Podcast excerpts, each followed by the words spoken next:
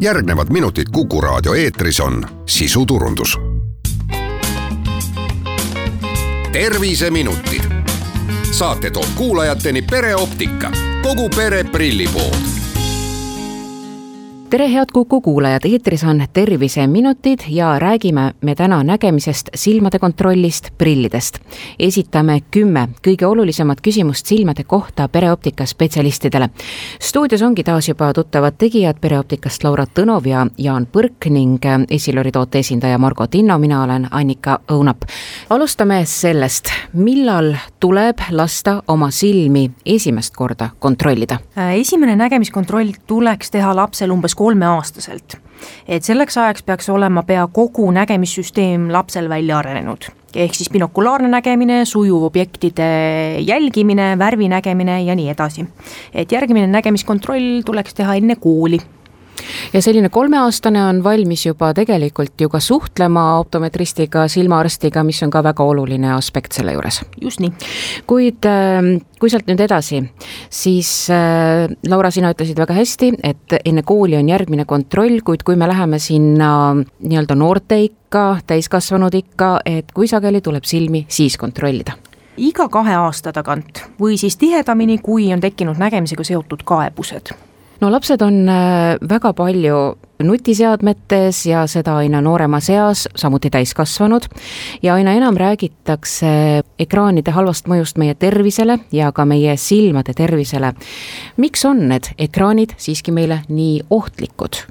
ekraanidest eritub äh, lühikese lainepikkusega valgust ehk sinist valgust. See valgus läbib mitmeid inimese rakukihte ja pikas perspektiivis võib siis tekitada silmas haigusi, nagu näiteks katarakt, maakula degeneratsioon ja nii edasi. Äh, samuti pilgutab inimene arvutis tööd tehes umbes viis korda vähem kui igapäevaselt ehk siis võivad ka tekkida kuiva silma sündroomi kaebused. kuidas oma silmi aga kaitsta, sest et ekraanid on osa äh, täiskasvanute elust, aga tegelikult ka juba koolilapsed on sunnitud üsna palju tegema oma koolitükke äh, arvuti taga, ekraanide taga, noh loomulikult see mobiiltelefon, see on juba, juba isegi lasteaialastel.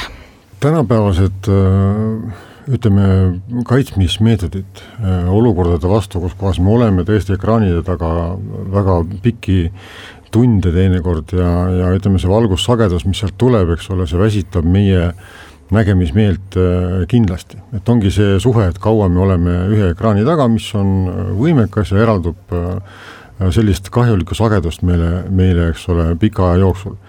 Et äh, tänapäevaste klaaside valmistamise juures on mõeldud selle peale juba ja, ja on olemas spetsiaalsed katted, mis elimineerivad sinist sagedust ja on olemas ütleme, läätsed, mis ise on, on ütleme sellise ainega, mis ikkagi sinise sageduse äh, mõju ka vähendavad.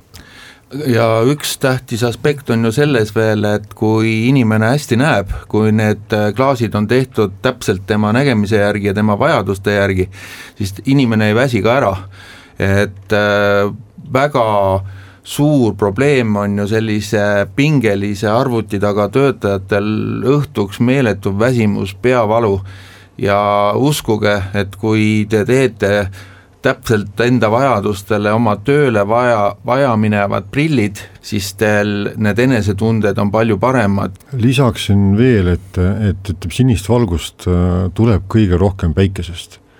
Et äh, siin võib äh, mitu, ütleme kärbest ühe korraga nagu tabada, et kui me võtame omale prilliklaasid, eks ole, kus on kaitse sinise valguse vastu nii õues kui sees, et, et seda peab poest küsima siis, et mis võimalused on. siit tuleb ju tegelikult ka päikseprilli ja, tähtsus. päikseprilli teema, just. me jõuame päikeseprillideni ka kohe, aga räägime need tervist mõjutavad ohutegurid üle, et millised on need peamised silmade tervist ohustavad tegurid, näiteks kui me võtame ette inimese elukaare? no esimene asi ongi tegelikult igasugused ekraanid ka väga intensiivne päikesevalgus ja tegelikult ka alates neljakümnendast eluaastast tuleks silmatervist kontrollida silmaarsti juures, kus vaadatakse ka üle näiteks silmapõhjad. ehk siis samamoodi ka iga mängib väga palju rolli et alates neljakümnendast eluaastast on siis suurenenud ka igasuguste erinevate silmahaiguste risk kui nüüd siis räägimegi päikeseprillidest, et kuidas neid valida, mis aluseks võtta? päikseprillid võiksid olla ka identiteedi näitajaks ja, ja inimese sellise iseloomu äh, väljatoojaks, et äh, no need Lisaks, saavad meie välimust väga palju muuta. just. kui me nüüd läheme praktilise poole peale, kuidas valida neid klaase sinna?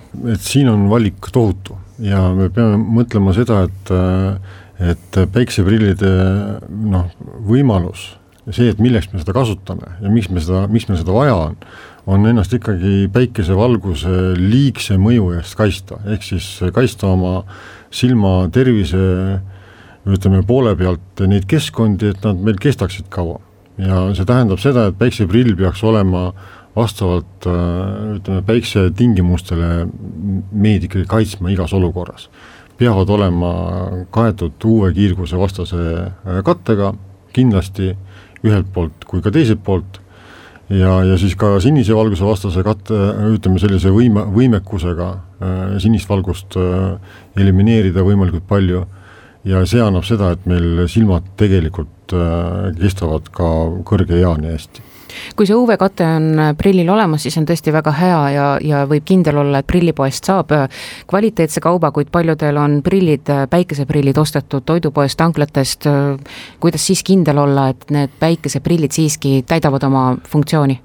Tegelikult ma olen suhteliselt kindel, et äh, nendel äh, selliseid äh, otseselt rikkuvaid omadusi ei ole, et ma arvan, et ka toidupoodides müüki pandud klaasidel ilmselt on see Euroliidu nõuetele vastavad sertifikaadid olemas, kuigi kas siis peab ostma toidupoest päikseprille, kui tegelikult on spetsialistid ümberringi, kes võimaldavad valida selle ja rääkida seda, mis asi on tähtis ja, ja isegi seda, et mis on moes hetkel kuid üleüldse see prillikatete ja prillide valik on väga-väga lai, et äh, millised teadmised peavad olema sellel kliendil iseendal oma nägemisest või siis äh, läheb inimene tõepoolest lihtsalt optometristi juurde ja koostööna saadakse need kõige paremad prillid, et mida te ise klientidelt ootate? Tegelikult ongi sellise väga avatud kliendiga kõige mugavam tööd teha.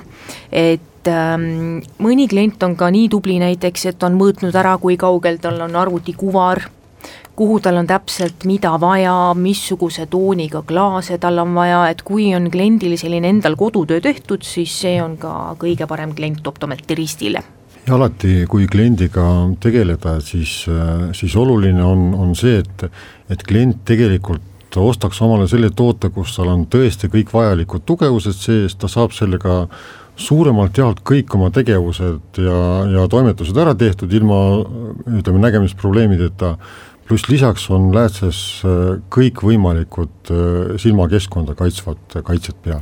kuidas aga prillide eest hoolt kanda, kui need juba on kätte saadud? prillipoodides on müügil ka prillihooldusvahendid äh, ja loomulikult võib prille ka jooksva vee all pesta, aga, aga peaks olema ettevaatlik äh, polariseeritud klaasidega, sellepärast et polariseeritud klaasidel on äh, klaasi sisse paiguldatud kile ja kui nende kile äärte vahele läheb vesi, siis hakkavad need ääred tasapisi sealt koorduma ja, ja sellepärast ei ole soovitav polariseeritud klaasidega ka noh, päris vette minna. ütleme, et klaaside eest äh, tuleb hoolt kanda nii nagu enda eest, sellelt ja õrnalt aga mida kindlasti teha ei tohi? kuivalt pühkida tugevat tolmu, sellepärast et äh, see tolm mängib meie prilliklaasi sellisel puhul liivapaberit ja, ja kui seda hästi tihedalt teha, siis on väga kiiresti näha, kuidas see hästi mikronite paksune kiht hakkab ära tulema ja üks väga tähtis moment on, ei tohi prille jätta suure kuumuse kätte, näiteks auto partatšoki peale päikese kätte pandud prill on praktiliselt kohe hävinenud, seal läheb temperatuur järsku nii suureks ja, ja kuna nende Äh, klaasimaterjalide äh, tihedused on erinevad, siis nad hakkavad kohe pragunema ja, ja see rikub absoluutselt kohe prilli ära. kuid äh, päris paljud otsustavad prilli kandmise jätta minevikku ja, ja minna laseroperatsioonile, et millal otsustada siis laseroperatsiooni kasuks ja millal siiski jääda prillikandjaks? et laseroperatsiooni tulemus kestaks aastaid, on tegelikult väga tähtis see, et nägemisteravus ehk siis prillide tugevus oleks enne operatsiooni stabiilne. On ka mitmeid põhjuseid, mille pärast laseroperatsioone ei soovitata. Ja need on enamasti sellised silma anatoomiaga seotud probleemid. aga kindlasti on ka see, et iga operatsiooni puhul on omad riskid, aga prillide kontaktläätsede kandmine on ikkagi ohutu.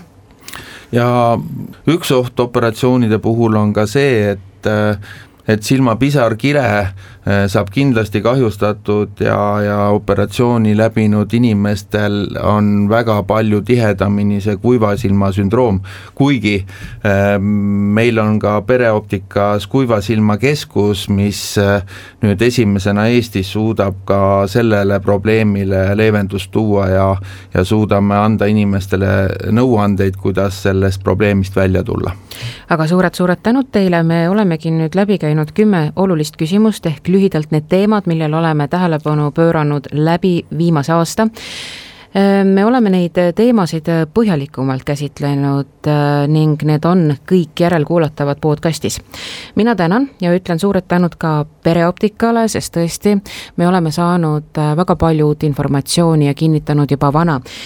ja mis siis muud oleme koos saanud targemaks, suured tänud teile ja kõike kaunist kuulajatele. Pole tähtis, mida sa vaatad, vaid see, mida sa näed. terviseminutid, saate toob kuulajateni pereoptika, kogu pere prillipood